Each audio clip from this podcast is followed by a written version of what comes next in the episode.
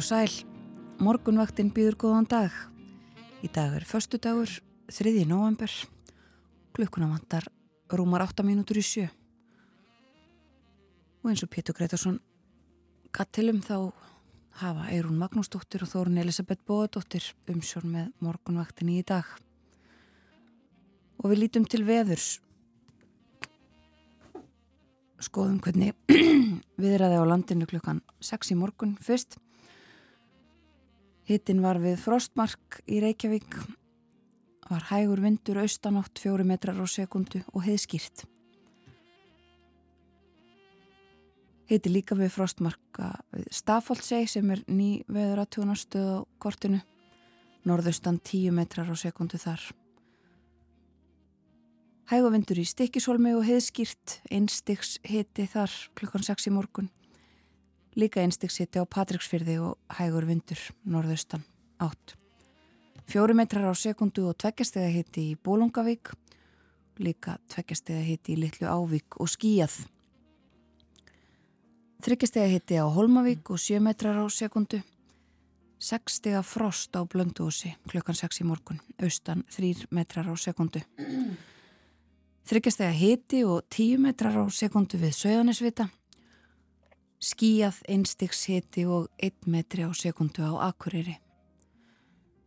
Tveggjastega hiti á Húsavík og nánast logn, aðeins meiri vindur á Rauvarhöfn 7 metrar á sekundu og þryggjastega hiti. Tveggjastega hiti á Skeltingstöðum og tveggjastega hiti á Eilstöðum klukkan 6. Þar var lítilsóta rigning og norðanátt 6 metrar á sekundu. Kvassara aðeins við söðaustur ströndina fjórastega hitti á höfni hotnafyrðu og 11 metrar á sekundu, 6 stega hitti á kvískerjum og fjórastega hitti á kirkibæðaklaustri, 5 metrar á sekundu þar. Nánast logn á stórhefðaði vestmannegjum og fjórastega hitti og einstigs hitti í árnesi. Frosttölur svo á hálendinu, tvekkja og fjórastega frost. En þá er spurning hvernig veðri verður í dag og um helgina? Það hvessir, verðist alltaf hvessa um helgina og í hugleggingum veðfræðings á, á veð, veðustofunar segir að læðin sem allir yllverinu í Evrópu í gær er nú yfir norðursjó og þokast til norðvesturs. Áttin verður því áfram norðaustla í dag við að góla, kaldi eða strekkingur og dálitla skúrir eða jél en létt skíjað á söður og söðvesturlandi og hiti á bylnu 0-60 yfir daginn. Sýteis fyrir að rigna austan til að landinu en á fjallvegum má búast við slittu eða snjókomi. Norðaustan 8-15 metrar sekundu á morgun og skúrir eða slittu jél en áfram þurft og nokkuð bjart á söðurhlutalandsins. En annarkvöld hvessir norðvestan til á landinu og það bætir aftur í úrkomu fyrir austan og sunnudag er svo útleitt fyrir ákveðna norðaustanátt með úrkomu sömu veðri, rigningu eða slittu á lálendi og snjókomu á heiðum. En það verður áfram þurft að mestu um landi sunnanvert, segir í hugleðingum veðurfræðings. Og í samræmi við þetta bæði veðri klukkan 6 og veður horfurnar þá er uh, hálka víða.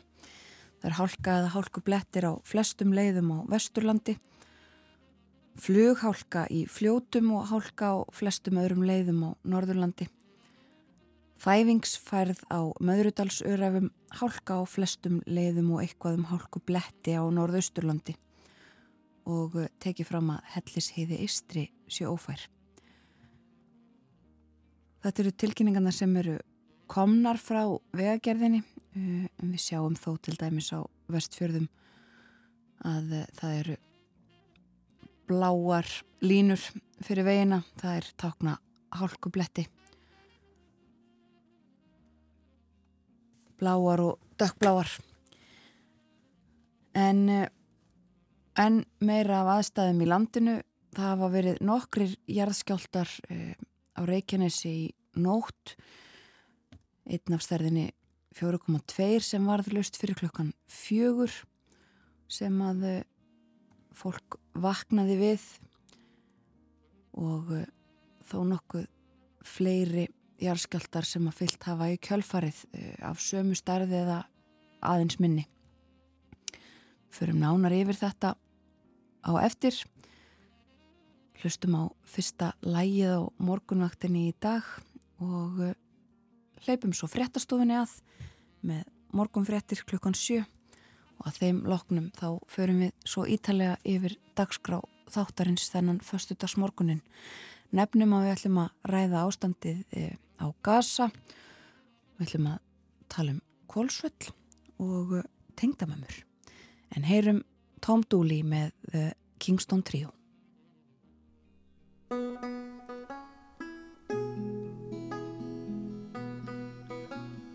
Throughout history, there have been many songs written about the eternal triangle. This next one tells the story of a Mr. Grayson, a beautiful woman, and a condemned man named Tom Dooley.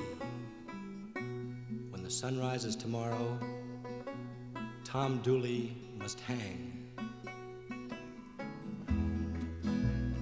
Hang down your head, Tom Dooley. Hang down your head and cry.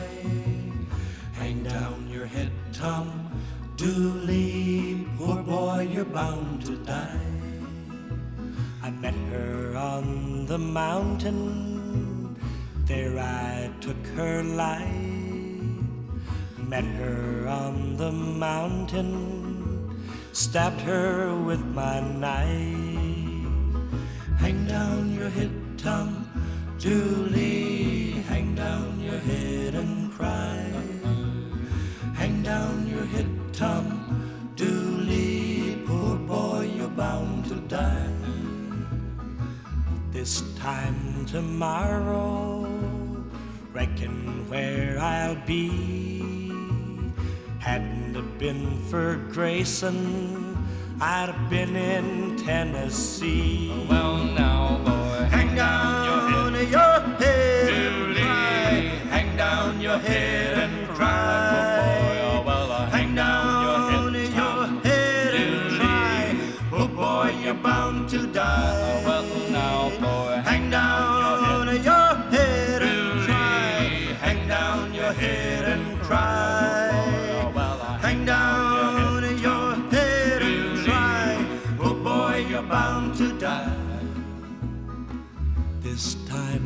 tomorrow, reckon where I'll be. Down in some lonesome valley, hanging from a white oak tree. Hang down your head,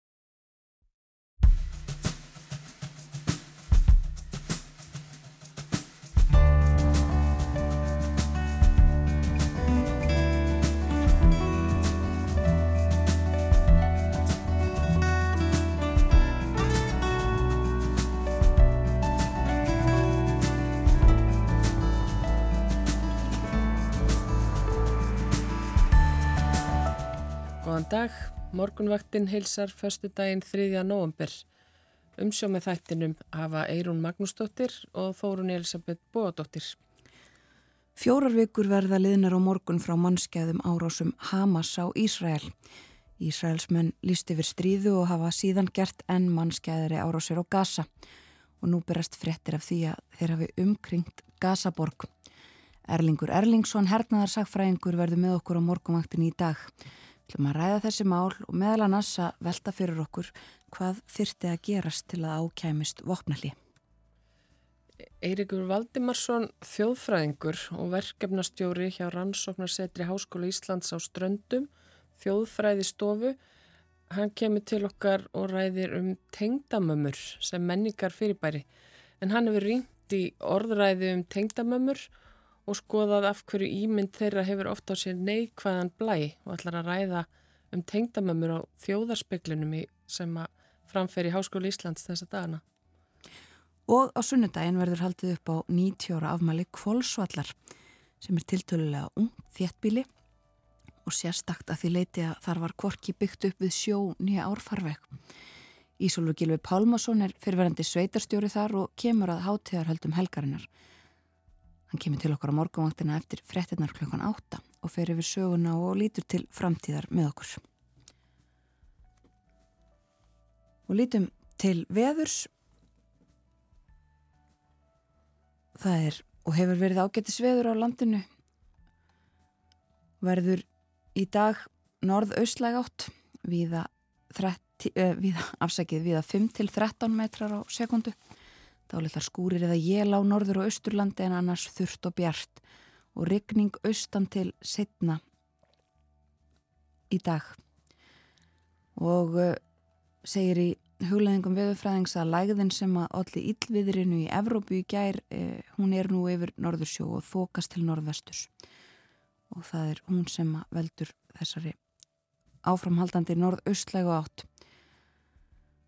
Hitin í dag 0 til 6 stigi við daginn, um, á morgun áfram norðaustanátt 8 til 15 metrar á sekundu og skúrir eða slittu jél, en áfram eins og síðustu daga þurft og nokkuð bjart á suðurluta landsins. Annað kvöld, lögataskvöld, hversir norðvestan til á landinu og það bætir aftur þá í úrkomi fyrir austan. Á sunnudagar svo útlitt fyrir ákveðina norðaustanátt með úrkomisömu veðri, rigningu eða slittu á lálendi og snjókoma á heiðum. En, en verður áfram að mestu þurftum landi sunnanvert. Svo hlínar smám saman í næstu viku segir í spáni fyrir þrýðudag og uh, það er hálka á vegum víða. Gott að hafa það í huga flughálka milli heitals og vegamóta er ný tilkynning frá vegagerðinni og hálka eða hálku blettir á flestum leiðum sömuleiðis á vestfjörðum það er líka nefnt að unnið er að þrefum í bólungavíkugöngum en hálka á flestöllum leiðum á Norðurlandi og e, Norðausturlandi. Það er líka þæfingsfærið á Möðrudalsöræfum. Krabi á milli fellabæjar og heiðarenda á Östurlandi, eitthvað um hálku og hálkubletti og ófært á öksi. Og e, við heyrðum að því í frettunum á þann að það e, hefur færst aukinn kraftur í jarðskjáltarhinu á Reykjanesi var uh, jarðskjálti af starðinni 4,2 uh, sem að mæltist í nóttu laust fyrir klokkan fjögur og ef maður skoðar töfluna hjá viðstofinni yfir þessa skjálta þá sést að uh, það var ekki eini stóri skjáltin uh, þessi skjálti laust fyrir klokkan fjögur já 4,2 á stærð. En þeir höfðu verið nokkrir fyrir það og svo eftir uh, klukkan hálf 5 var skjált, skjálti að stærðinni 4,1 svo skjálti að stærðinni 3,5 og uh, aftur uppundir 5 þá uh, í morgun þá verðu nokkrir skjáltar 3,5, 3,3, 4,2 líklegt að þessi skjáltar hafi flestir fundist. Og svo aftur fyrir klukkan 6 í morgun og sá nýjasti sem við sjáum hér sem er yfir tveimur á stærð, tæplega, já, 2,9 hann varð klukkan 8 mínútur í sjö þannig að eh, það er ímislegt að gerast þarna. Við komum út uh, tvö blöð á förstu dögum og að byrja að líta í innlendu blöðin. Já, og fórsið morgunblæsins er mynd, stór mynd af starfsfólki blæsins sem að sittur og, og fagnar 110 ára afmæli blæsins. Það búið, búið til morgunverðar og, og starfsfólki hópast þarna saman í matsalnum og hlustar á ávörp frá rittstjórum, það með sínist. En á fórsvíu morgunblæsins er líka fjallaðum stöðuna í kjara, kjaraviðræðum. Fyrirsögnin reyna að þjætta raðirnar eins og mögulegt er. Og þar kemur fram að nú eru viðræður um einhvers konar samflott og í fritt morgunblæsins segir að skýrst gæti í dag hvort Stjættafélög og landsambönd innan ASI verða í samfloti í kjaraviðröðum við samtöku aðtunlífsins sem eru framöndan í vetur. Og formin að eldafélaga og landsamband að koma vist saman til fundar í dag þar sem meðal annars hafa ræða undirbúning fyrir endur nýjum kjarasamninga og kannakort er áhuga á að fylkingar fari samenaðar í viðræður eða hver í sínu lægi. Þetta segir Morgunblæðið. Á fórsíðu heimildarinnar er vikið að stríðinu, stríðinu á Gaza og þar segir e, stóri fyrirsögn stríð í ríkistjórn vegna stríðs í Palestínu og myndir af utaríkisráð þeirra og, og fósettisráð þeirra landsins.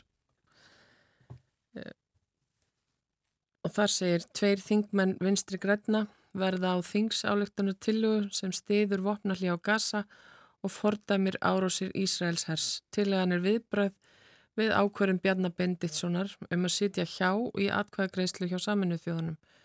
Um 4.000 börn hafa látist á Gaza síðustu fjóra vikur.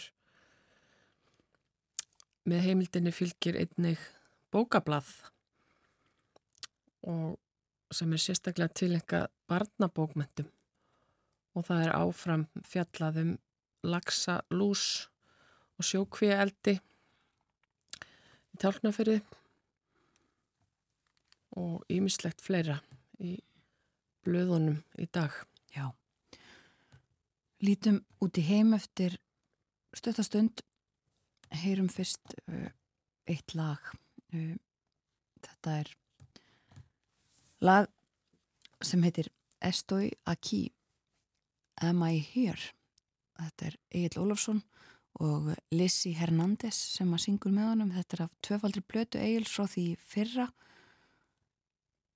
Og þessi þetta lag er af hluta blötunar sem heitir Tutu Endi heyrum í þeim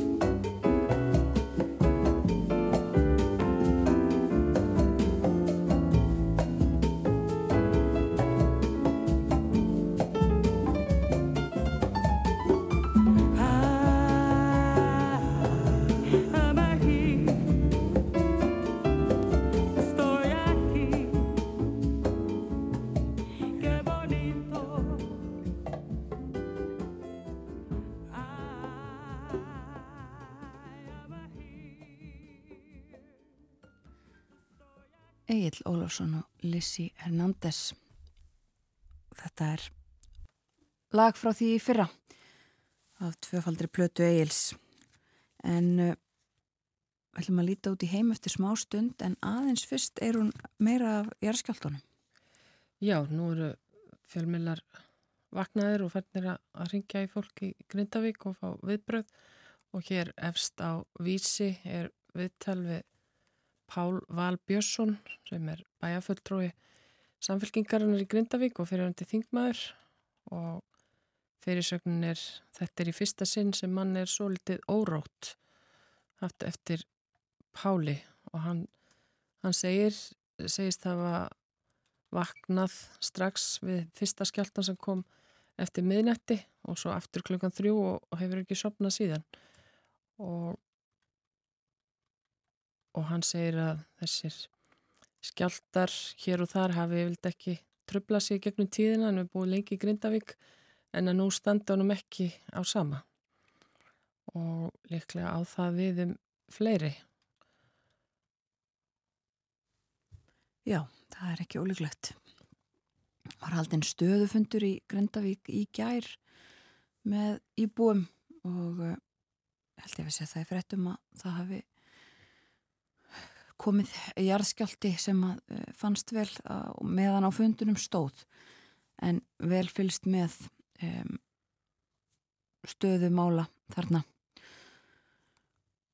Lítum þá aðeins út í heim. Um, við ætlum að ræða um stöðumála og Gaza og Ísrael hér á eftir. Erlingur Erlingsson, hernaðarsakfræðingur verður með okkur eftir 15 mínútur eða svo en það eru auðvitað þau mál sem eru ábyrrandi á forsýðum uh, blaða og uh, netmiðla eins og síðustu daga og vikur. Ísraelsmenn segjast hafa umkringt Gazaborg eins og við nefndum hér fyrir í morgun í kynningu og uh, Antoni Blinkan auðvitaðrikisóþra bandaríkjana er komin til Tel Aviv, lendi fyrir skömmu og uh, búistu því að hann muni íta á Ísraelsk stjórnvöld að samþykja þar sem að nú er verið að kalla mannúðar pásur eða mannúðar hlje, ekki vopna hlje, heldur tímabundnar pásur og bandaríkjumenn vilja gera þetta segja þeir til þess að hægt sé að koma gíslum Hamas á brott og koma neyðar aðstóð inn á gasasvæðið. Nú áfram verður opið að einhverju leiti um Rafa landamærin yfir til Egiptalands og búið að byrta lista yfir fólk sem að samþygt er að yfirgefi gasa í dag. Það eru um, nokkur hundru manns um, sagt frá því Breska ríkisútvarpinu að, að það séu 127 um, breskir eða sagt, í, í þeim hluta. Þetta er broti niður eftir, eftir svæðum eða, eða vegabrifum líklega. En uh, sem fyrir segir meira um þessi mál á eftir. Aðeins að nefna það að í dönskum blöðum er fjallaðum uh, eh, það sem við rettum svo litið hér í heimsklukkanum í gerðmorgun, njósnamálið í Danmörku og bæði á forsýðun á politíken og informasjón uh, í Danmörku fjallaðum það að sérfræðingar og lögmenn, fræðimenn um, hafna því að það sé þörf fyrir uh, breytingar á lögum um uh, þessi mál um uh, hernaðar eða hernaðar lendamál eða landráðamál sjá ekki það það þurfi en eftir því hafa stjórnvöld kalla þau segja þau eru á því að þetta mál hafi sínt það. Hlustundur munna og þekki þetta að eh, málið gegn þessum hátsettu mönnum sem að hefur verið í gangi í tölurverðan tíma var það var fallið frá því á miðugudag og mikil umræða og gaggríni á stjórnvöldi Damersku vegna þess og eftir þetta mál allt saman. Aðeins stuttlega að uh, breskum uh, fjölmjölum við nefndum hér áðan hugleðing, úr hugleðingum veðufræðings að uh, það hefur verið íllviðri víða í Evrópu. Það var mjög slæmt á Breitlandsegjum, þar að segja aðal á söðu Breitlandi og Ermarsundsegjónum, ekki síst, en fjallaði svo litið mikið um það í, á forsuðum bladana áfram líka fjallaðum það sem við töluðum um hittmálið sem við töluðum um í heimsklokkanum í gær eh, COVID-rannsóknin í eh, Breitlandi sagt frá því á eh, einhverjum að Matt Hancock sem var heilbriðisráð þeirra hann hafi viljað ákveða hverjir livðu og hverjir ekki ef að breskir spítalar hefðu orðið yfir fullir af fólki? Þetta kom fram í vittnisspurði um, yfirmanns þáverandi uh, spítalana, uh, helbriðiskerfisins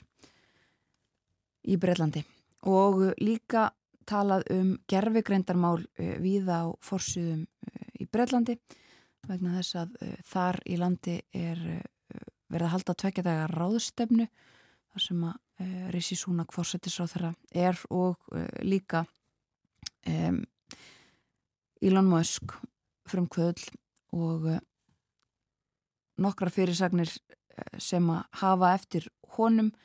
Gerfegreind þýðir að enginn þarf að vinna.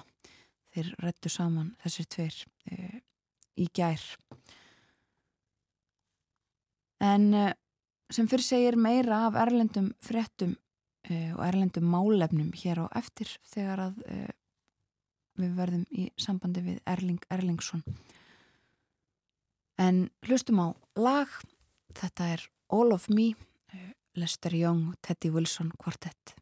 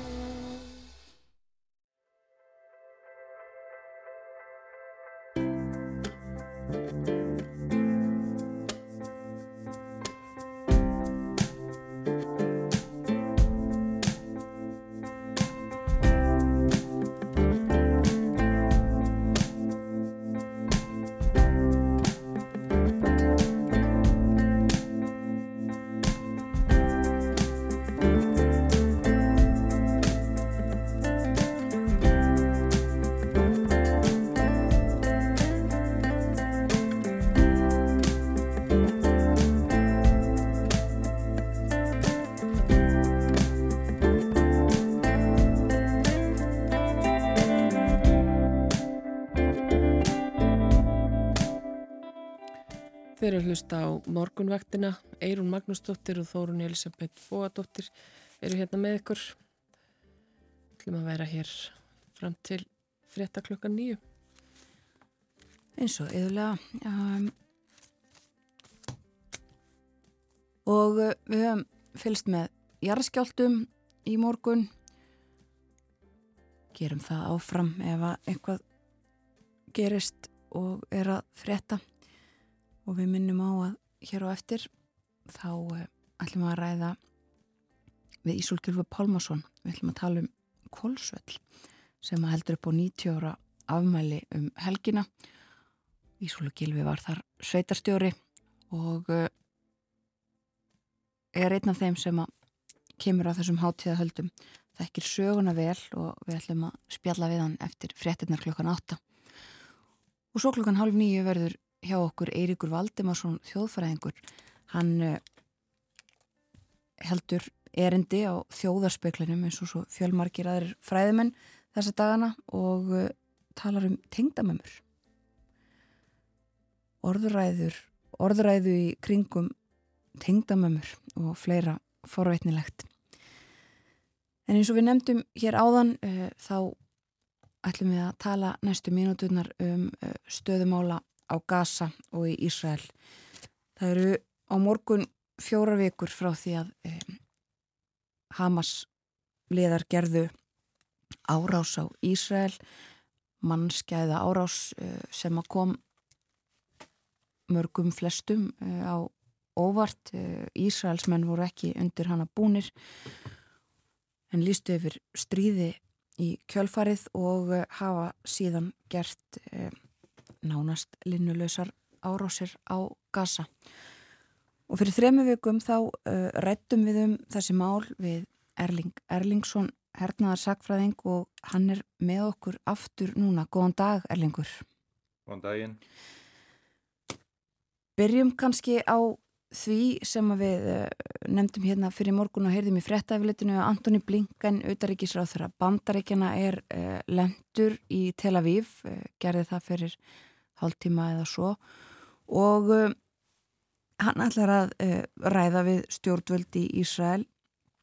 Hinga til þá hafa bandaríkjumenn sagt uh, þeir uh, styðji ekki vopnalli á þessum uh, í þessum þessu stríði, tekið undir þannig með Ísraelum. Um, hvernig, getur við eitthvað sagt til um það hvað þessi heimsókn blinkan mun hafi för með sér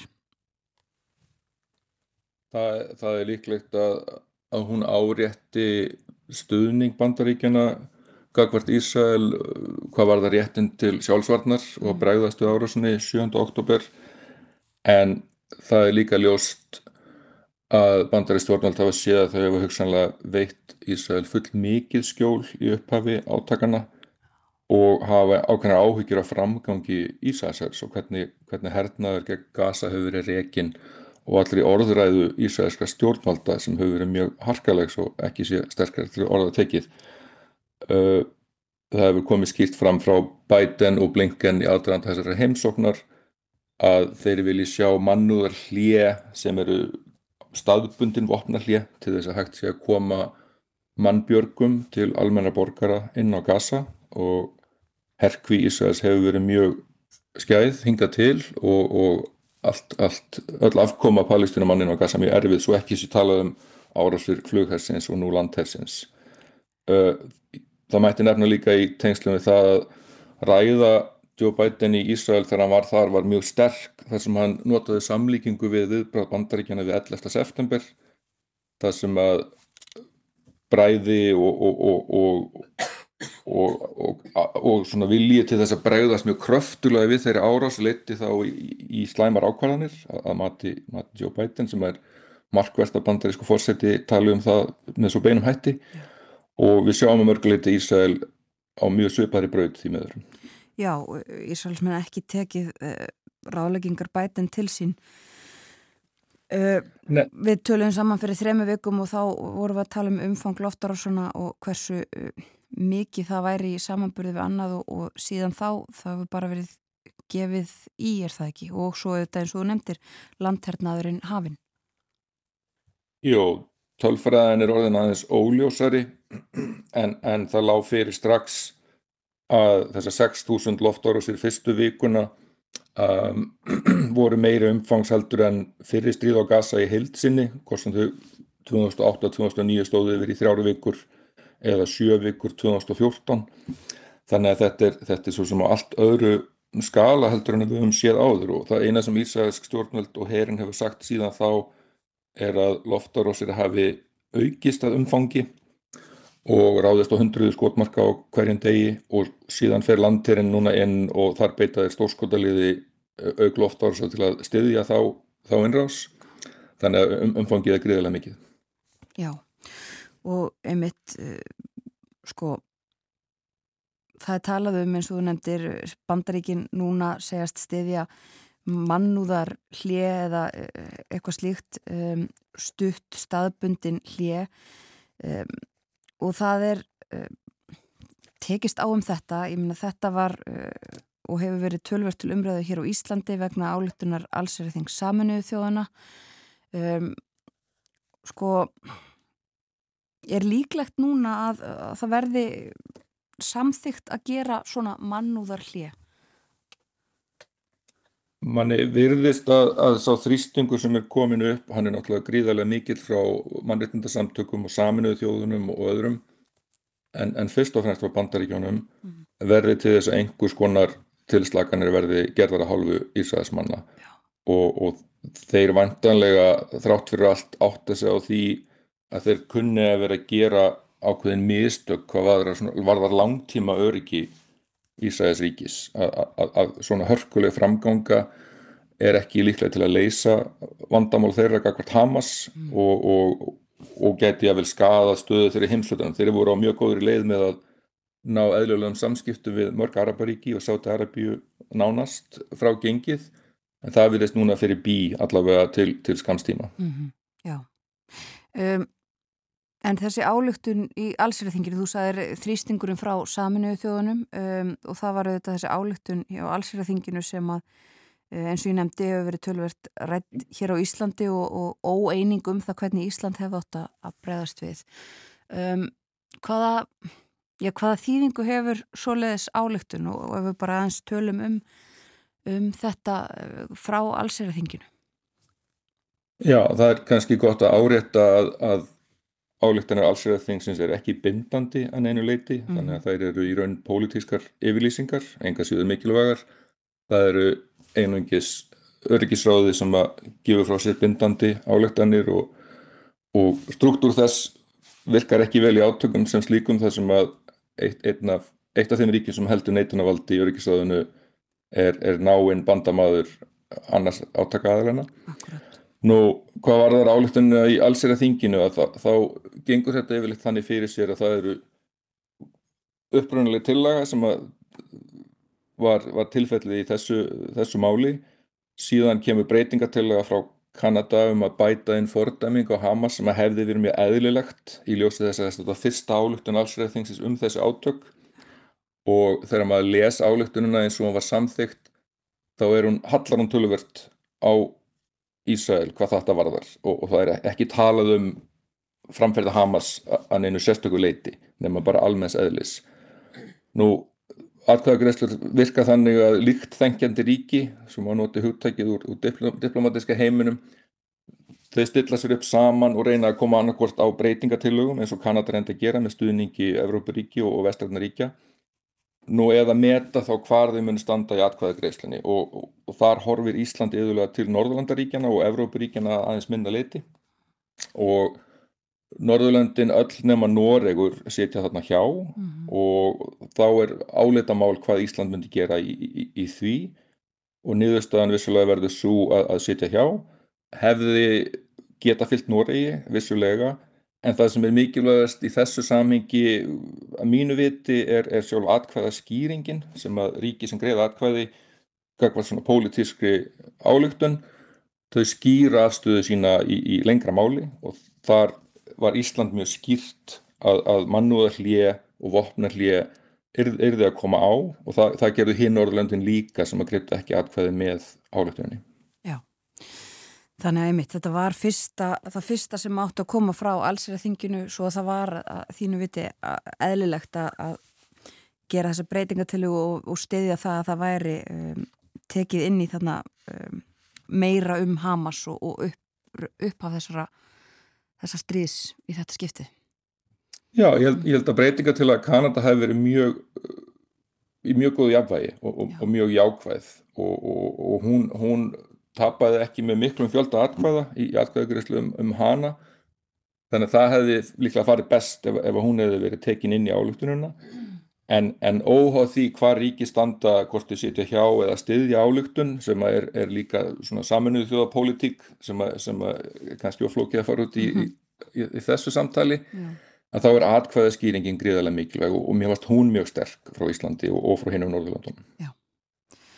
Og svo uh, þurfum við kannski aðeins að koma inn á uh, sko árásir á flótamannabúðir síðast ef við tölum saman vorum við að tala um þetta líka með já bara óbreytta borgara og uh, þú talaði um það líka venjulega hefur Ísraelski herin alls konar uh, leiðir til þess að uh, vera mjög nákvæmur en, en svo er ekki núna. Og uh, við auðvitað fáum fréttir daglega af mannfalli óbreyttara borgara þarna uh, fyrst var það svo líka spítali sem að verðist nú að ekki hafi verið árás Ísraelsmanna En Ísraelsmenn hafa gengist við því að þeir hafi eh, gert þessar loftarósir á uh, flótamannabúðir á síðustu dögum. Já, sem er vissulega mikil harmleikur. Uh, Jabalíja flótamannabúðunar eru, eru ekki kannski flótamannabúðir í höfbundu skilningi eins og við sjáum það fyrir okkur heldur nú svo lungu síðar 56 árum eftir að þetta verður hernum í svæði orðið borgarkverfi inn í Gazaborg. En enga síður greiðilega þjætt bílt, talaðum um 100.000 palestinum en búið þar. Og þá, þá er það ábyrð árásarliðsins að meta mjög varlega hvort að það er einhvers konar jafnvægi og það er talað um í alþjóða mannúðalögum hlutfastlega beitingu valds gagvar því að ná ákveðna hernaðskotmarki sem í þessu tilfelli var, var leiðtói Hamas og, og einhverjir, einhverjir hans fylgjendur. Gagvart því tjóni sem myndi vera, verða gagvart almennum borgurum. Og, og, og þarna eru flesti sérfræðingar held ég á því máli að, að það hafi verið velilagt með fjórar 900 eh, kílóa sprengjur sem eru notaði til þess að reyna eigða neðanjarðar byrgjum en, en valda gríðulegu tjóni á yfirborðinu fellabyggingar og, og þess áttar þannig að þetta er kannski vestadæmið sem við hefum séð um það að Ísraels hér er ekki að fara fram af eins mikill gætni og þeir hafa gert áður og það sér maður líka í öllir í orðræðu Ísraelska stjórnvalda sem, sem er mjög uh, harkaleg. Já, við heyrum kannski ekkit uh, rosalega mikið af, af henni en, en er hún sagt, miklu harkalegri heldur en uh, verið hefur áður?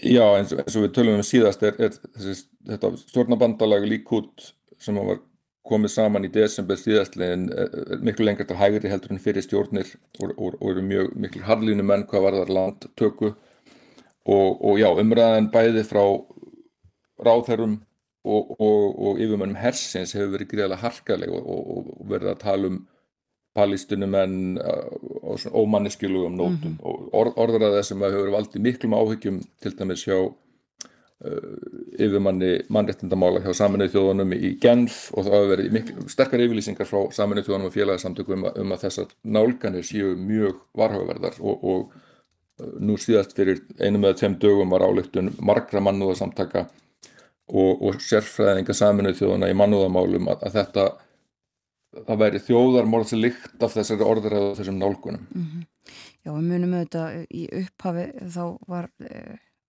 einmitt var palestinumönnum á Gaza líkt bara hreinlega við dýr af einhverjum af þessum hestsettu uh, mönnum í Ísrael. Það er svo sett, já, heldur áfram. Um, Erlingur, við ætlum að tala eins líka um söguna og þetta við höfum talað um umfang loftarássana og, og svona umfangið og ofsan einlega í þessu uh, núna.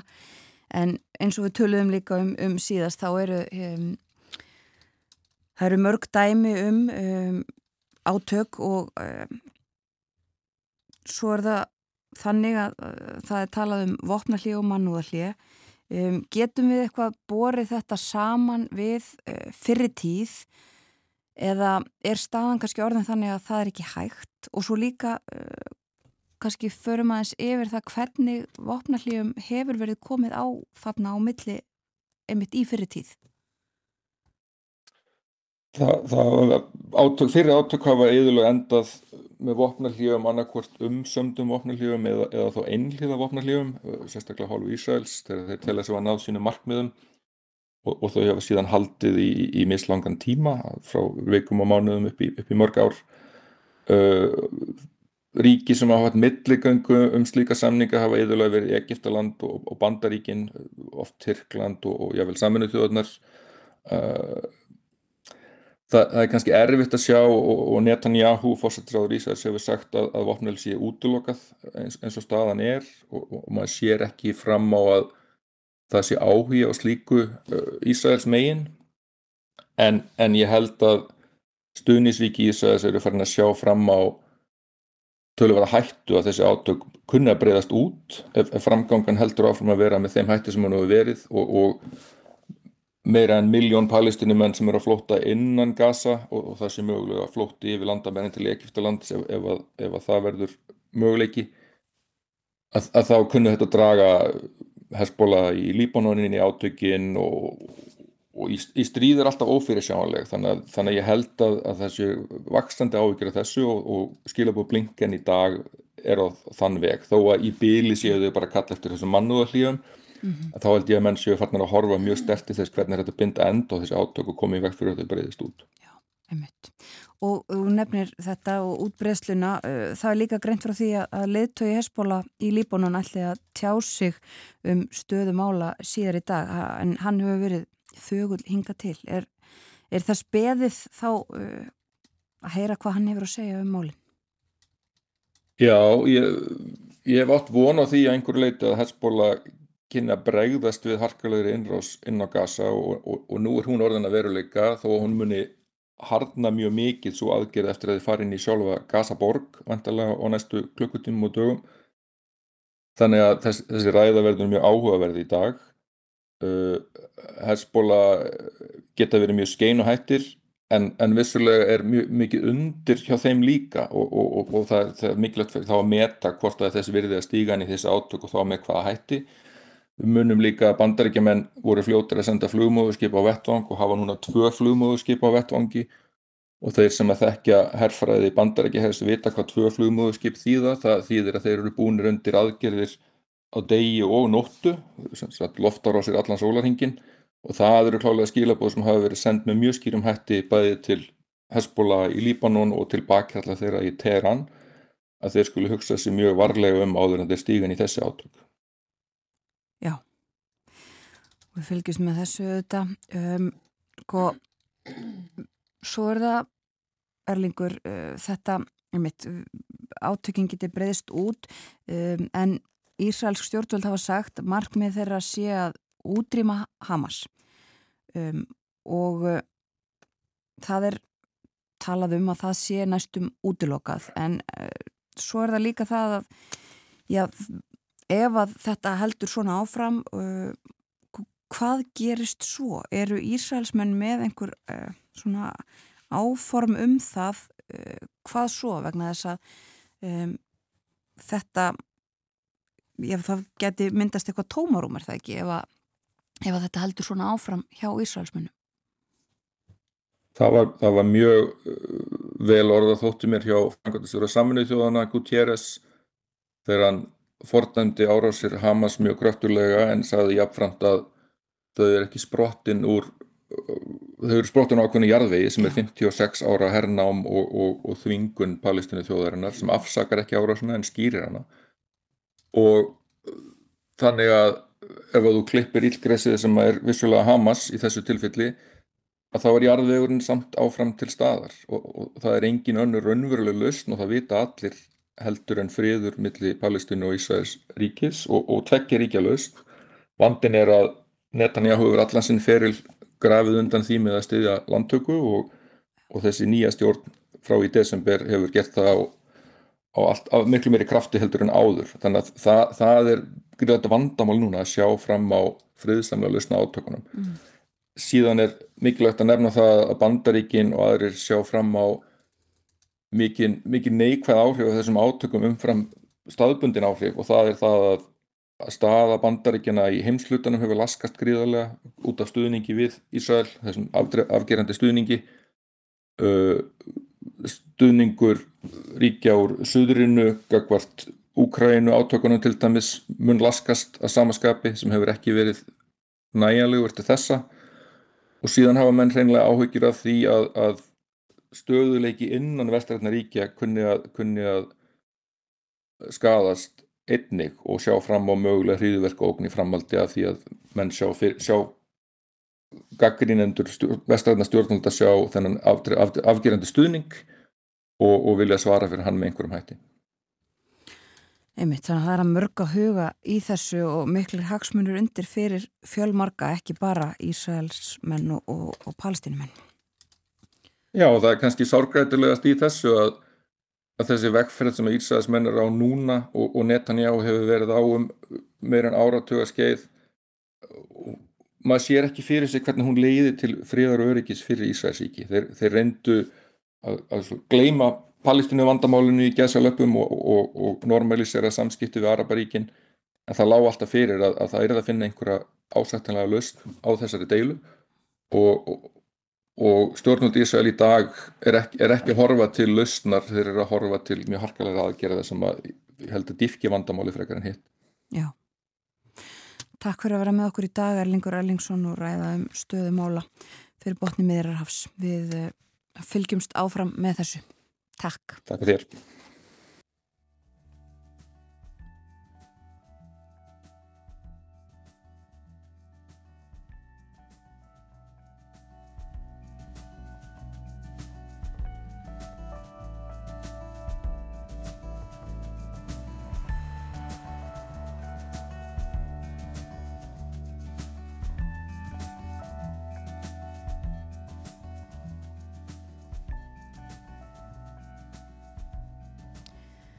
Erlingur Erlingsson, hernaðar sakfræðingur, uh, ræti við okkur um stöðumála á Gaza og uh, við fylgjumst áfram með því eins og ég nefndi. Við ætlum að ræða um kvólsvöll eftir fréttir en bærin heldur upp á 90 ára amali sitt um þessa myndir. 90 ára er vist ekki sérlega hár aldur fyrir bæjafila, það telst frekar út. En á kvólsvölli er mikil uppbygging, fólksfjölgun, fleira og fleira. Við ræðum við Ísól Gilva Pálmarsson fyrirverðandi sveitastjóra og þingmann upp úr klukkan átta en við skiptum yfir á fréttastofuna.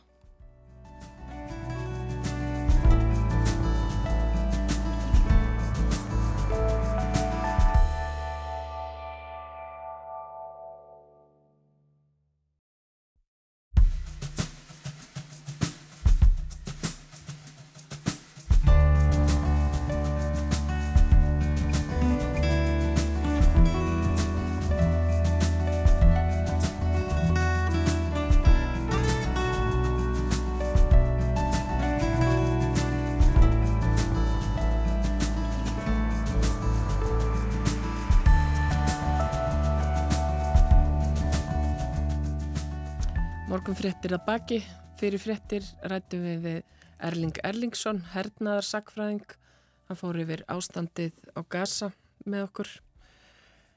En á sunnudag verður haldið upp á 90 ára afmæli Kvolsvallar sem er tilturlega ungt þjættbíli og sérstakt að því leiti að þar var korki byggt upp við sjó nýja árfarveg.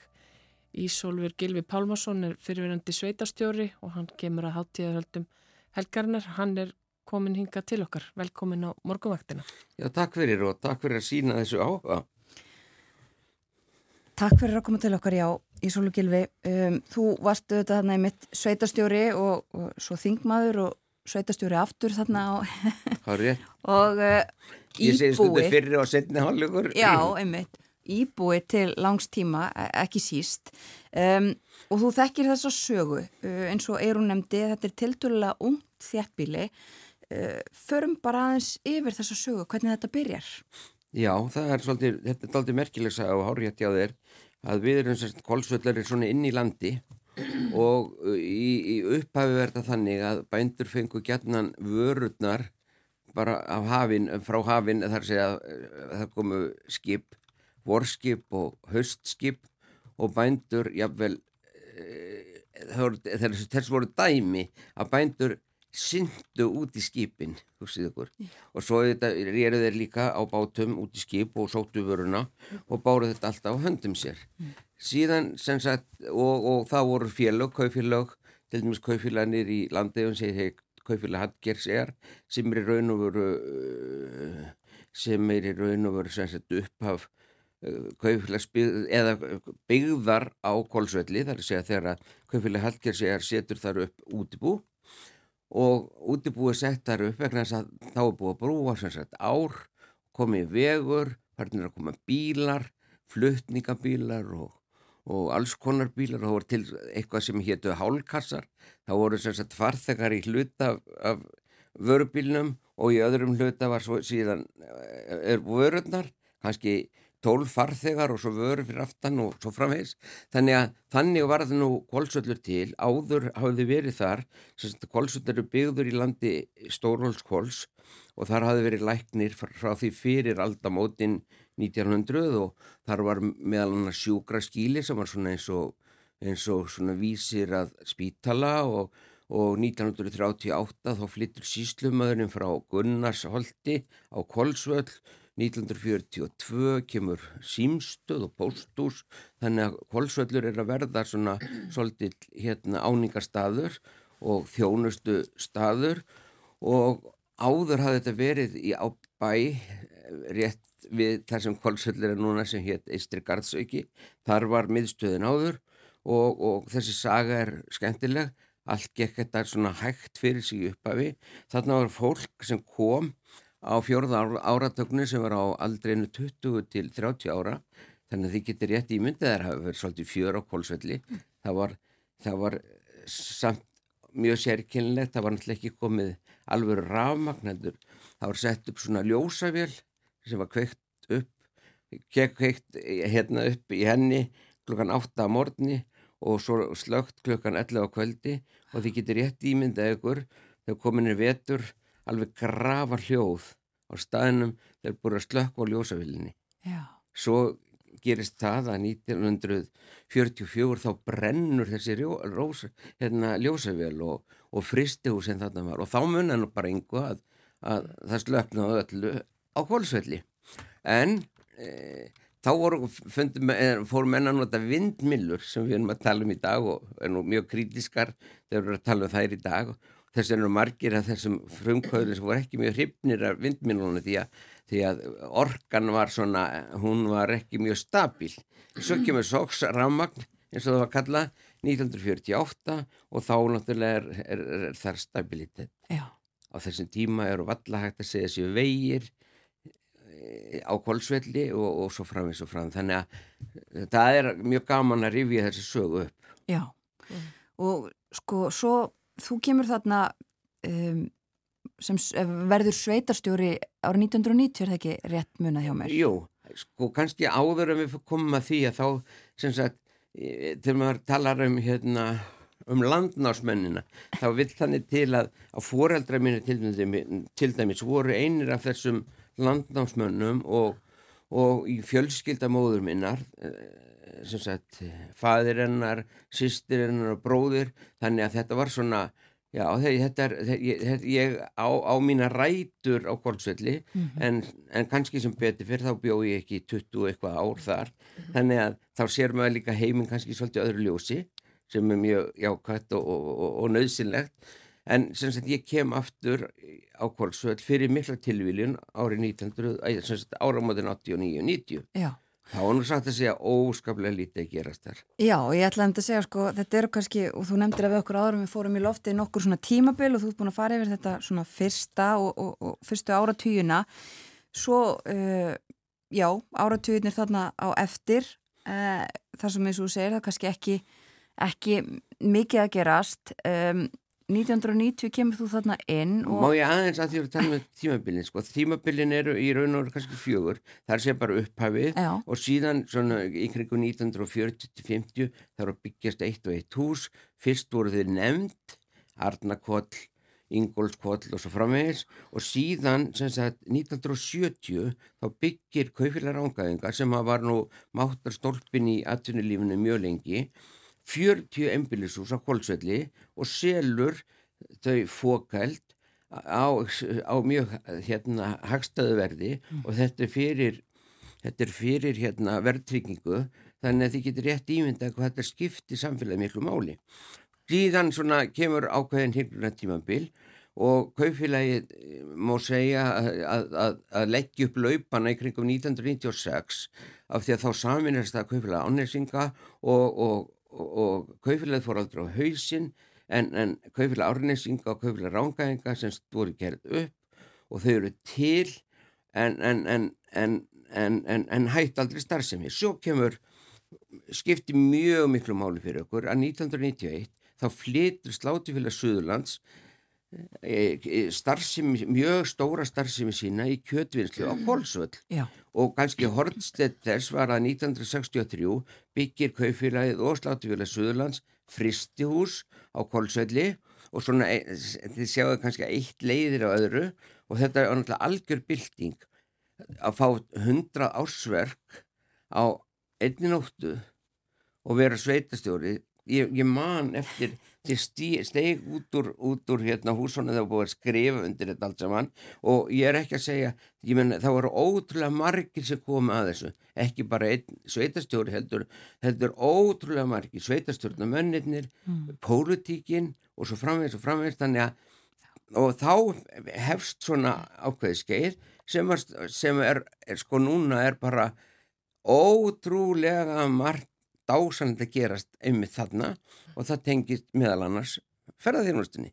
akkurat já, uh, veist að margir sveitastjórar uh, væru til í það að fá 100 ársverk á, á sína staði uh, í, á einu bretti Já, með rútunni bara. já, Já, En- já, og en ég menna á, Kolsvelli eru semst framleitar þessar fínu vínarpilsur sem þið þekkið og, og 1944 og allt, all, allir þessi flottur réttir frá þessu frábæra fyrirtæki sem er náttúrulega í þessu bændarsamfélagi sem er í Rángallasíslinni. já, megin starfsemi SS er Já, já, þarna já, en það má segja það. og eins og segir þú, uh, þarna byrjar uh, skeið uh, og svona uppbyggingarskeið Já, og uh, það stendur enn, það er óvægt að segja betur. það og er kannski, hefur aldrei uh, Hápunkt- verið meira Hápuntur þess er núna. Já. Núna er verið að byggja um það byrju 100 hús og íbúðir í sveitafélaginu. Sveitafélagið samanstendur af sex gömlum uh, hreppum, já, austur og vestur landegar, austur og vestur eigafjöll, fljóstlið og kólreppur eða kólsöllur. Þessi sammenningar áttist það 2002 og ég held að það tekist mjög vel og sem sagt núna er, er og, og það, ver, það eru ný hverfi að rýsa þannig að það er óskaplega gaman að fylgjast með þessu, gaman að vera svona hlýðalínun og fylgjast með og, og, og, fá líka að vissa nátt að taka þátt í þessu þó ég sé hættur í, í, í hérna sem er líka óskaplega gott að vera lausið við ábyrðina en, en, en geta glaðs með þeim sem er að stýra sveitifélaginu. Já. Og þarna hefur orðið mikil, mikil fólksfjölgun og það var nú sagt frá því fyrir árunni að var verið að byggja stóran leikskóla Já. á Kólsvelli, eitt stærsta leikskóla landsins Já. að ég held Já, og það er nú almennt svona uh, gæfu s- merki fyrir sveitafjölu ef það er mikið af börnum. ekki það er horrið að hérna, þetta er alveg óskaplega skemmtilegur, fallegur leikskóli og vel útfærður og, og gaman að segja ykkur líka frá því að við byggðum leikskóla 1993 fyrir 36 börn og, og svona neikvæða rættirna sagði þetta verður nú aldrei fyllt. Núna held ég að þessi leikskóli verið sko yfir langt yfir 100 börn og hann er einstaklega skemmtilega og vel útferður. Og ferðarþjónustan er málmálan og eins og uh, möndist á áðan uh, mikil uppbygging þar. Já, gríðal uppbygging og, og, og, og mikið ungu fólki sem er að vinna í ferðarþjónustunni og sem skapar svona ákveðna nýja möguleika sem er skemmtilegt. Það eru, það eru svona ferða eh, hérna, fyrirtæki sem heita South Adventure og Midgard og til dæmis í Midgard er, eru gerðnan hérna, tónleikar, við erum að fá fá hérna glæsilega hérna hljónsveitir og einstaklinga til, til að hérna að spila og þannig að, að, að það er mjög gaman að lifa og, og, og það er fínir í íþrótta aðstæðu og allt þetta þannig að það er rosalega gott að búa á svona stöðum fyrir ungt fólk mm. talandi um leikskólan, þeirra leikskólaplossir og þeirra góðu skólir og góðu leikskóli þetta skiptir öllu máli. Og síðan höfum við líka hjúgrun og dvalarheimili þannig að það má eiginlega segja að sko þegar uh, unga fólki er komið á framhaldsskóla aldur þá hefst svona tímabil þar sem það svona það, það ámöguleika þetta að fara í fjölbertarskóla Suðurlands eða, eða mentarskólan Laugavatni eða þá til höfuborgarinnar þá er svona ákveð tímabil og svo faraði hugsanlega í háskóla eða í innám eða hvað fólk gerir og þá er spurning hvort að byggðalögin getur svo fengið þetta unga fólk aftur tilbaka Já. og sem betur verið hefur það verið að gerast á okkar svæði. Já, ungt fólk a, a, a, í uppbyggingu rétt eins og var í upphafi Þessbyrjusmyndunar Þessu til beðbóta, til og með við fluttum, við hjónakornin fluttum úr Reykjavík með fjögur börn og konan mín hún þurfti eiginlega að vera heima til að stýra. Eitt fór í leikskóli, annar fór í, í, í, í skólan og svo framvegs og framvegs svo fluttum við í sveitina flutt, eða já, já, á Kolsvöld og þá er þetta allt miklu ennfaldur og miklu e, lettara Já, þú myndist á uh, Midgard þar sem að haldnir eru tónleikar, við já. getum ekki slefti að, að tala um félagsheimilið Kól Já, það var, það var náttúrulega skemmtilegt Sko, Kvotli var byggður á, á, á ára 1953 til 1960. Það voru 260 manns á Kvolsvöldi eða í Kvolrefnum. Mm. Núna eru yfir 1100 manns þarna og Kvotlin stendur alveg fyrir sínu. Gísli Haldursson, arkitekt, teiknaði húsið. Það var meira og minna byggt í sjálfbáðilisvinnu. Karlar á aldrinum 16 til 60 ára þurfti að skila ákveðnum dagsverkum ef þið gerir það ekki þá þurftir þeirra bara að borga. Eðinaði menn gerir þetta líka þeir þurfti ekki að, að, að skila í mörgum dagsverkum. Og svo allt í hennu komið kvoll og konurnar á þessum tíma voru meira og minna að vinna heima. Núna fór þeir vinna í kvólunum þeir sáu hérna alla þessa hljómsýttakæja fyrst náttúrulega Svafa Gess og Lúto og Stefan og svo var allt í einhvern hljómar og óðumenn og hvað þetta, mánar og hvað þetta hétt allt saman. Og þar fór að fá svolítið pening þannig að kvollin breytti örglega algjörlega svona munstrinu á kvolsvelli. Já, en það hefur verið þetta mikil hefð fyrir samvinnu. Já, það er halvri rétt. Mikil hefð fyrir samvinnu sem að skipti miklu máli og, og, og eins og ég segi þetta hérna e, kaufilegi raun og verið svona loknaðist út af 1996 en, en svo tekur eitthvað við. Það hefur allt sinn tíma og mörg þessi samvinnufélug þau kannski fylgdu ekki alveg tímansar ás en auðvitað er tilfylgta samvinnufélugum en þá og, og hérna aðalmálið er bara að það sé drift í samfélögum og að það séu möguleikar og líka að við séum svolítið jákvæð, við séum ofinn fyrir nýjum möguleikum, nýjum tímum, það er bara hluta því að vera til. Það er svo þægilegt að vera í stöðnununa, hún leiðir alltaf til nýgnunar en það er svo gaman þegar hlutinir ganga svona. Já. En hvað er það sem að unga fólki er að sækja í, ung, ungt fólk sem að flytur á kvólsvöld? Ég held að það sé að sækja bara í, í somart, í, í kannski uh, ákvæmlega kyrð, það hefur möguleika á, á öllu því sem að hugsa getur. Það getur verið í rættina sundið og allt þetta. Það stutt út í náttúruna göngu og, og þess að þar og svo er hún bara nútíminn þannig, ég á til dæmis tengdadóttur sem býr hér- hérna á, á, á, á, á bílinu sem við, við þar sem við búum í dag. Og hún vinnur Reykjavík og keirir í milli en hún hefur líka möguleika á því að, að, hérna, að vinna heima.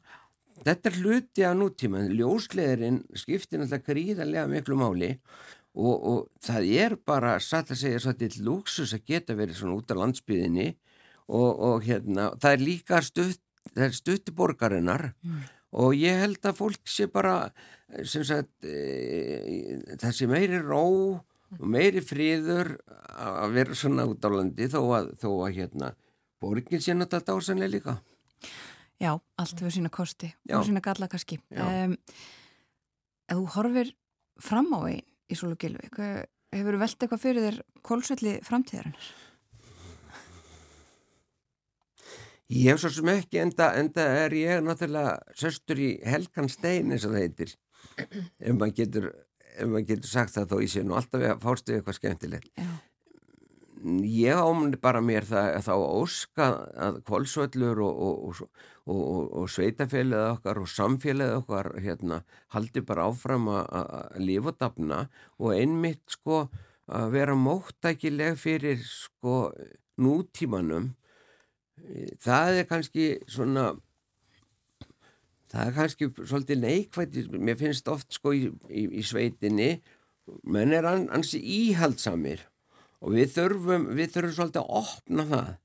Að því að hérna auðvitað eru gerð einhver mistök eins og gengur og gerist en ef við erum ekki opin og tilbúin að, að hérna að þróast og nýta okkur alla þá möguleika sem við höfum og, og, og minna, þegar við erum líka að bera saman bara e, þó ekki væri með Norðurlöndin og, og Ísland sem er nú býstna lík á margan átt en, en, en mér finnst líka að við Íslendingar við erum óttalegi nöldrar. Við erum óttalegi nöldra út af svo ótrúlega fáfengilegu hlutum og, og þegar við hugsum núna um, um stríði sko og, og hvað er illa farið með fólk að hérna að ég, veit, ég veit líka að það er fólk sem hefur ekki allt og gott á Íslandi en svona almennt séð meina þá bara eigum við að, að, að, að, að gleðjast yfir landin okkar og, og, og, og hérna öll, öllum þeim upplifunum sem við höfum á Íslandi En það verður ekkit nöldrað á, á kválsvelli um helgina?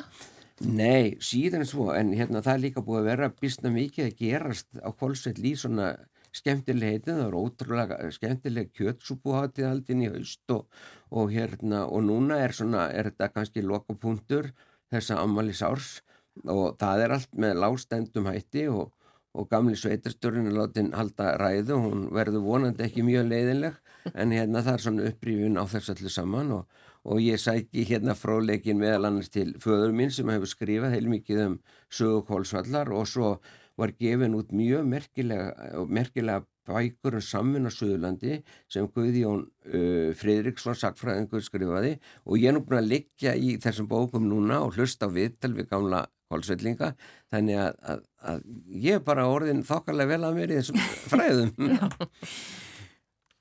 Þá segjum við bara til hamingjum daginn til þín og, og, og sveitunga þinna og e... þakka þeim fyrir að koma hinga til okkar á morguvættina Ísólu Gilu Pálmarsson.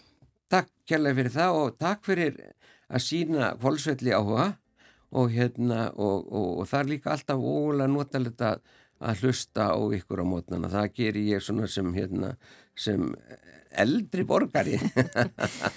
Takk fyrir það.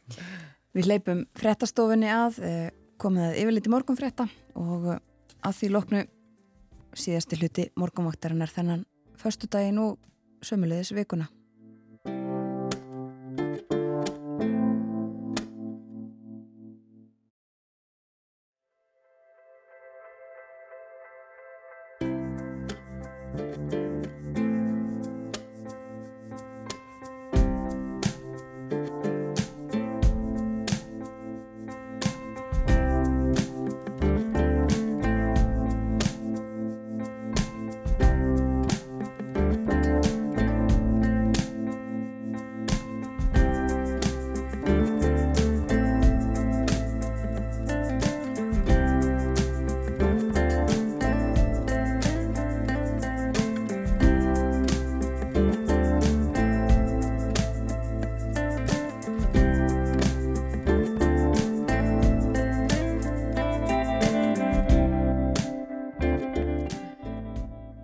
Sæl og ný, þeirra að hlusta morgunvaktin ára á seitt.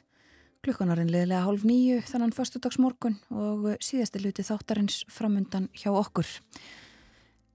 Lítum aðeins til veðurs. Það er uh, norðaustlæg átt í dag og áfram næstu daga. Í dag verður viða góla, kaldi eða strekkingur og dálitlar skúrir eða jél en létt skíða á söður og söðvestulandi. Hittin 0 til 6 stegi yfir daginn. Og það verður að rigna austan til á landinu síðdegis en á fjallvegum má búast við slittu eða snjókomu. Á morgun já áfram norðaustan átt 8 til 15 metrar á sekundu, skúrir eða slittuél en áfram þurft og nokkuð bjart á söður hluta landsins hversir svo norðvestan til á landinu á morgun, eh, lögataskvöld og það bætir aftur í úrkomi fyrir austan. Og á sunnudag er svo útlitt fyrir ákveðina norðaustanátt með úrkomi sömu veðri, regningu eða slittu á lálendi og snjókomi á heiðum, en, en þá og áfram þurft að mestu um landið sunnanvert.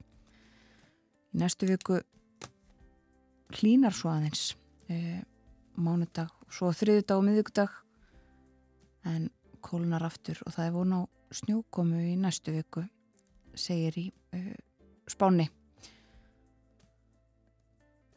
og uh, í síðasta hluta þáttarins uh, þá ætlum að tala um já nokkuð sem við tölum ekki oftum á morgunvaktinni Nei, hann er sestur hérna hjá okkur Eirikur Valdimarsson, þjóðfræðingur og verkefnastjóri hjá rannsóknarsetri Háskóla Íslands á Ströndum Hann heldur erindi á þjóðarspeklinum sem fer fram þessa dagana í Háskóli Íslands. Þjóðarspeilin er yfirgrips mikil rástefna í félagsvísindum sem hefur verið haldinn frá árunni 1994 og að vanda kennir ímissa grasa. En erindi Eiriks fjallar um tengdamæður sem menningar fyrirbæri og neikvæða ímynd þeirra.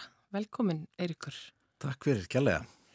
Getur þú fyrst sagt okkur aðeins frá svona tilur þessar rannsóknar? Af hverju, þú meðal annars ræðist í svona orðræðu greiningu á umfjöllun um tengdamömmur gegnum árin en af hverju þetta umfjöllunarefni? Þetta er náttúrulega bara frábær spurning. Þetta er rauninni, sko, við þjóðfræðingar við glýmum oft við þá ímyndar vanda að, að lenda í spurningaflóðinu hvað gera þjóðfræðingar og hvað eru þau eiginlega að rannsaka og það er oft fátum svör en þetta er svona kannski kristallast að við höfum bara áhuga rauninlega á öllu og bókstæla öllu og ykkur tíman síðasta vor þá var ég að keira á norður og ströndum með farangursboks upp á bílnum mínum og farangursboksið einfallega fauk af og ég fór að googla alltaf köpum nýtt og ég gæti ekki að googla farangursboks, ég þurfti að googla tengdamömmuboks og þá svona kviknaði þessi, þessi minninga mitt, já. Við köllum þessi boks tengdamömmuboks út af flökkusögu sem er til um einhverju tengdamömmu sem var hólað onni í svona boks og hérna og, og, og hérna þess að það er ekki plássin í bílnum og, og þá rífast upp þessi ímynd um tengdamóðununa sem einhvers konar stjórnsama og freka mannesku sem að í einhvers konar, já, í mörgum bröndurum og skopmyndum er sett þannig fram.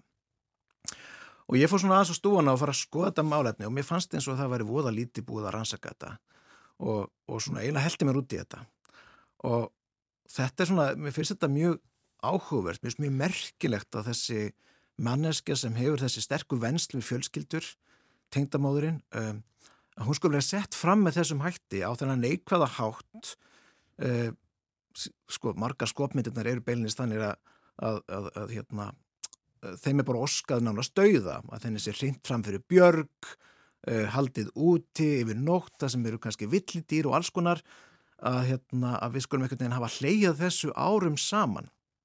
Þannig að ég er svona, já, fór, fór að skoða þetta uh, við eigum svona eina gullkistu við sem rannsökum svona hluti, það er tímaritt.is þar er að finna náttúrulega bara dagblöð og dægurmenningu síðustu ára tög, jafnvel alda þannig ég fann sko, elstu dæmi sem ég fann voru frá 19. öld um brandara þar sem gert er grínað tengdamömmum. Þannig að ég ætla svona aðeins að draga þetta saman í dag og, og sína fólki, e, já, sína fólki þennan, þennan sko hugarheim og svona velta þess upp hvaðan hann sprettur. En hvar, hvar byrjar þetta? Ertu einhverju nær um það? Hvernig þetta svona hvaðan þessi neikvæða ímynd tengdamömmunar sprettur?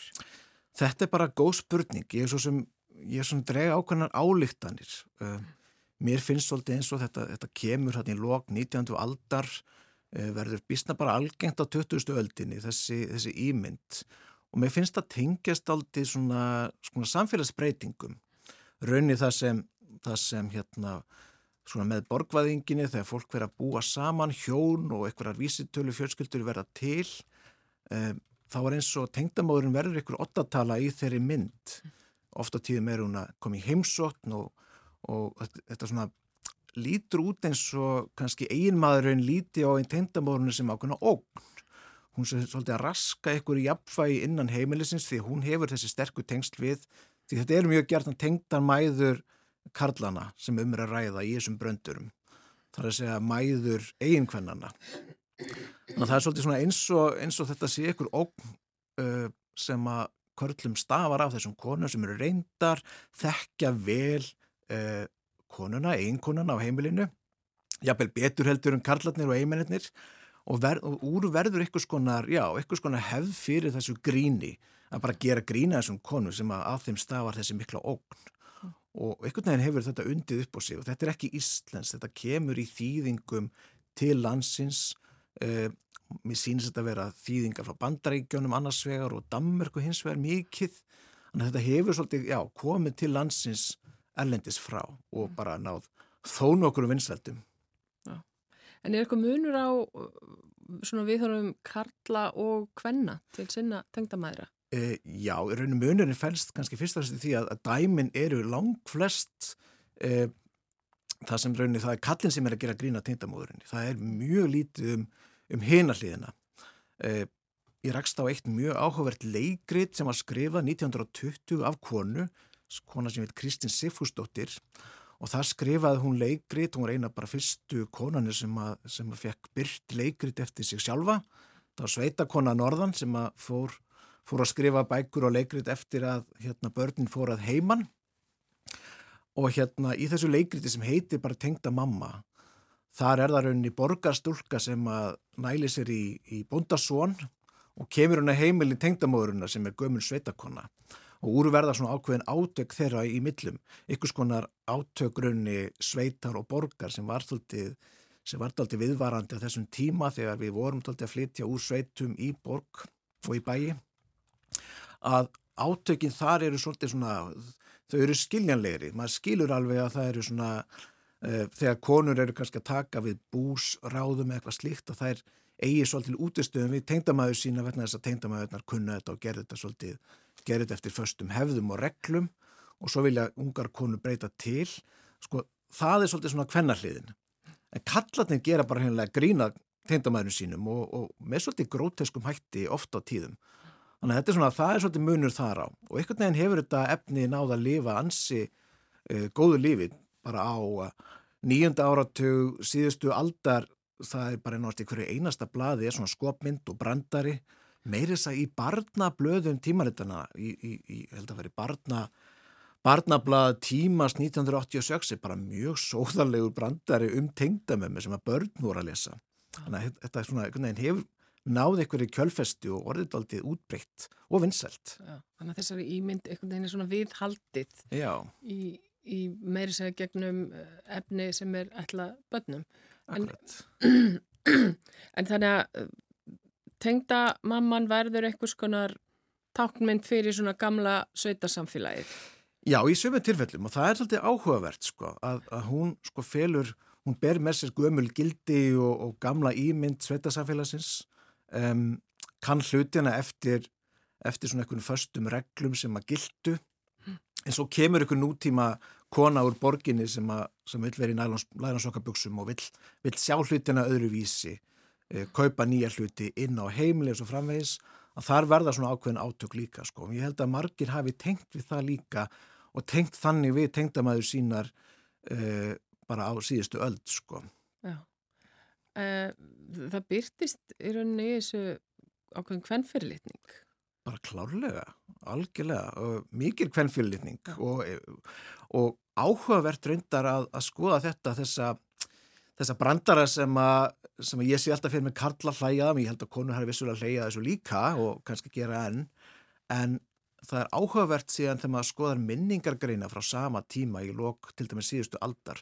Minningargreina tengdasona sem skrifa um tengdamæðu sína sem eru fallna frá á gamarsaldri þar er einmitt alltunur hlið. Þar talaði svo fallega um þær og er einmitt svo þakkláttir fyrir hvað þær voru alltaf að fylgjast með fjölskyldunum fylgjast með börnunum og gefa sig all hlutunum sem er einmitt gaggrinn í þessum bröndurum líka að kannski, kannski var þetta eitthvað skonar vendill á hvað maður að segja, tilfinningar og, og einhverja gremju jafnvel sem, a, sem er erfitt að útskýra en í raun, raun að veri voru menn og allir býsta þakkláttir fyrir, fyrir hvað voru hérna duglegar að gefa sig að hlutunum.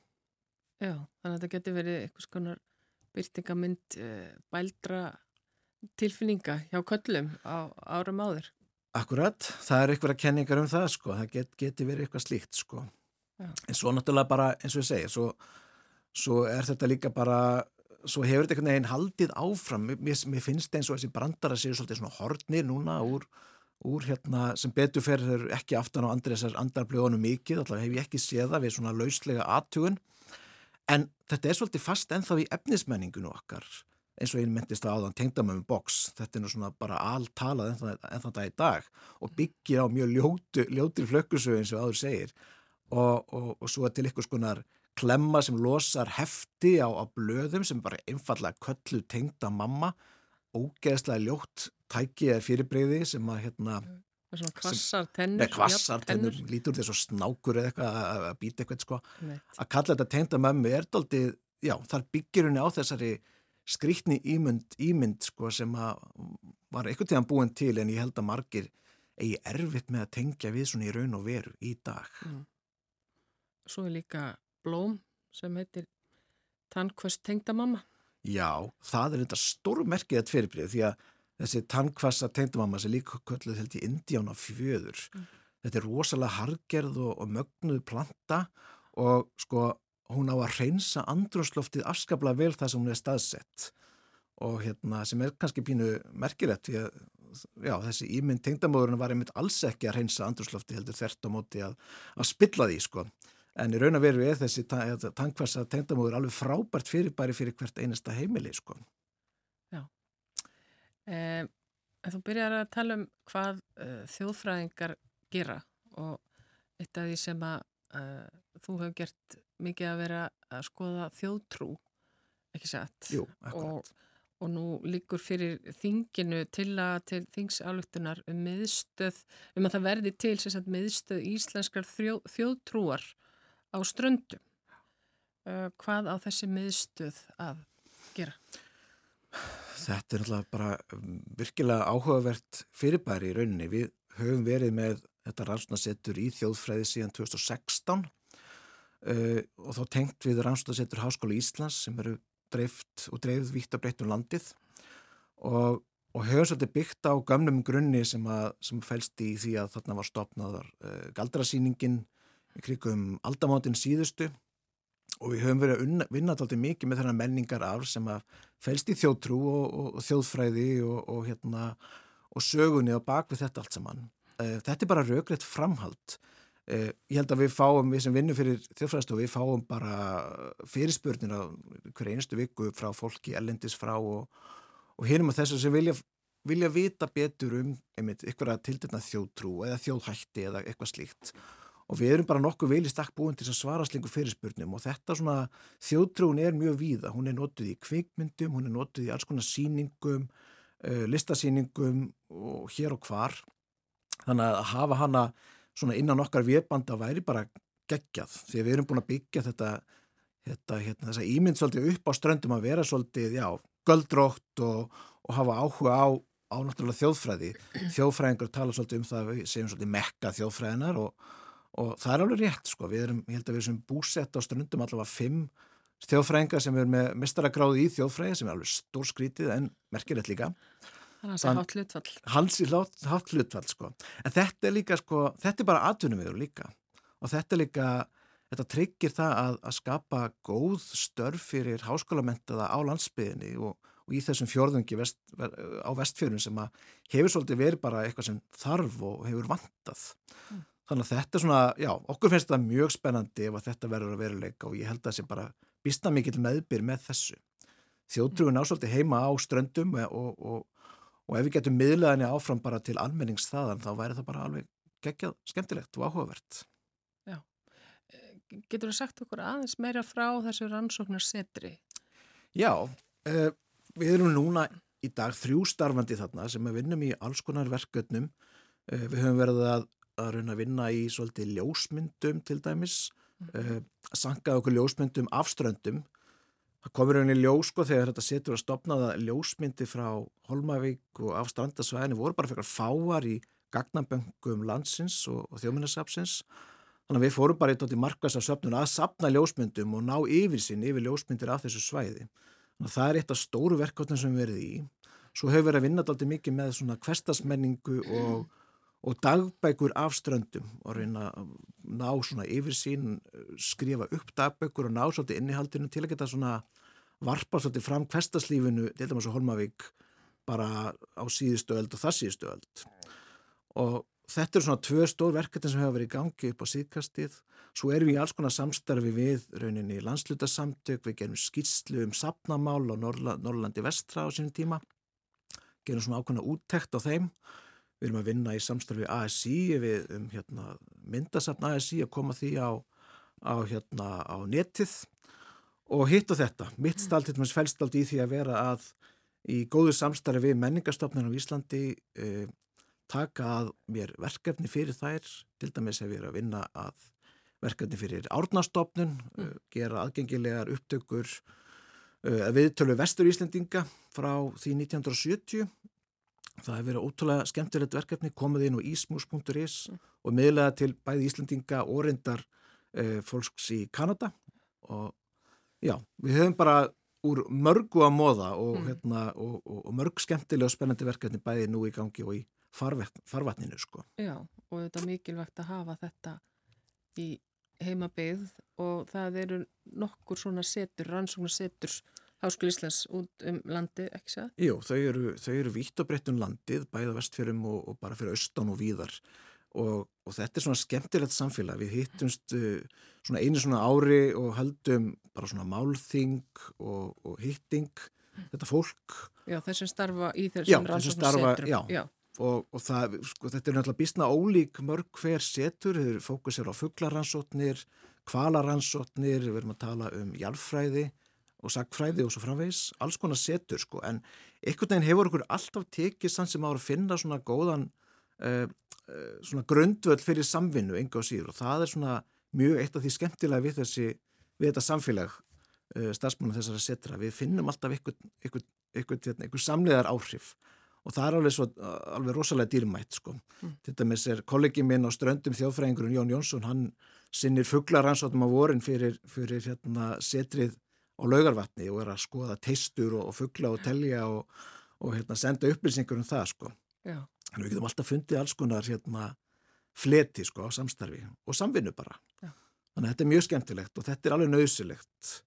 Þetta setur hjá okkur á ströndum, þetta, þetta er svona Já, þetta er, þetta er góð og sterk tenging runni okkar við háskólan, uh, Háskóla Íslands og hérna og, svona, og, og svo hefur verið mjög virkir og virkið því að miðla okkar rannsóknum til almennings heima, vera með fræslu kvöld og alls konar erindi og svona, já, vera svona í góðu samtali við fólkið heima, þetta er ekki bara einhver fílabæriströnd í miðið þorpunu á Holmavík og það er gríðarlega mikilvægt líka.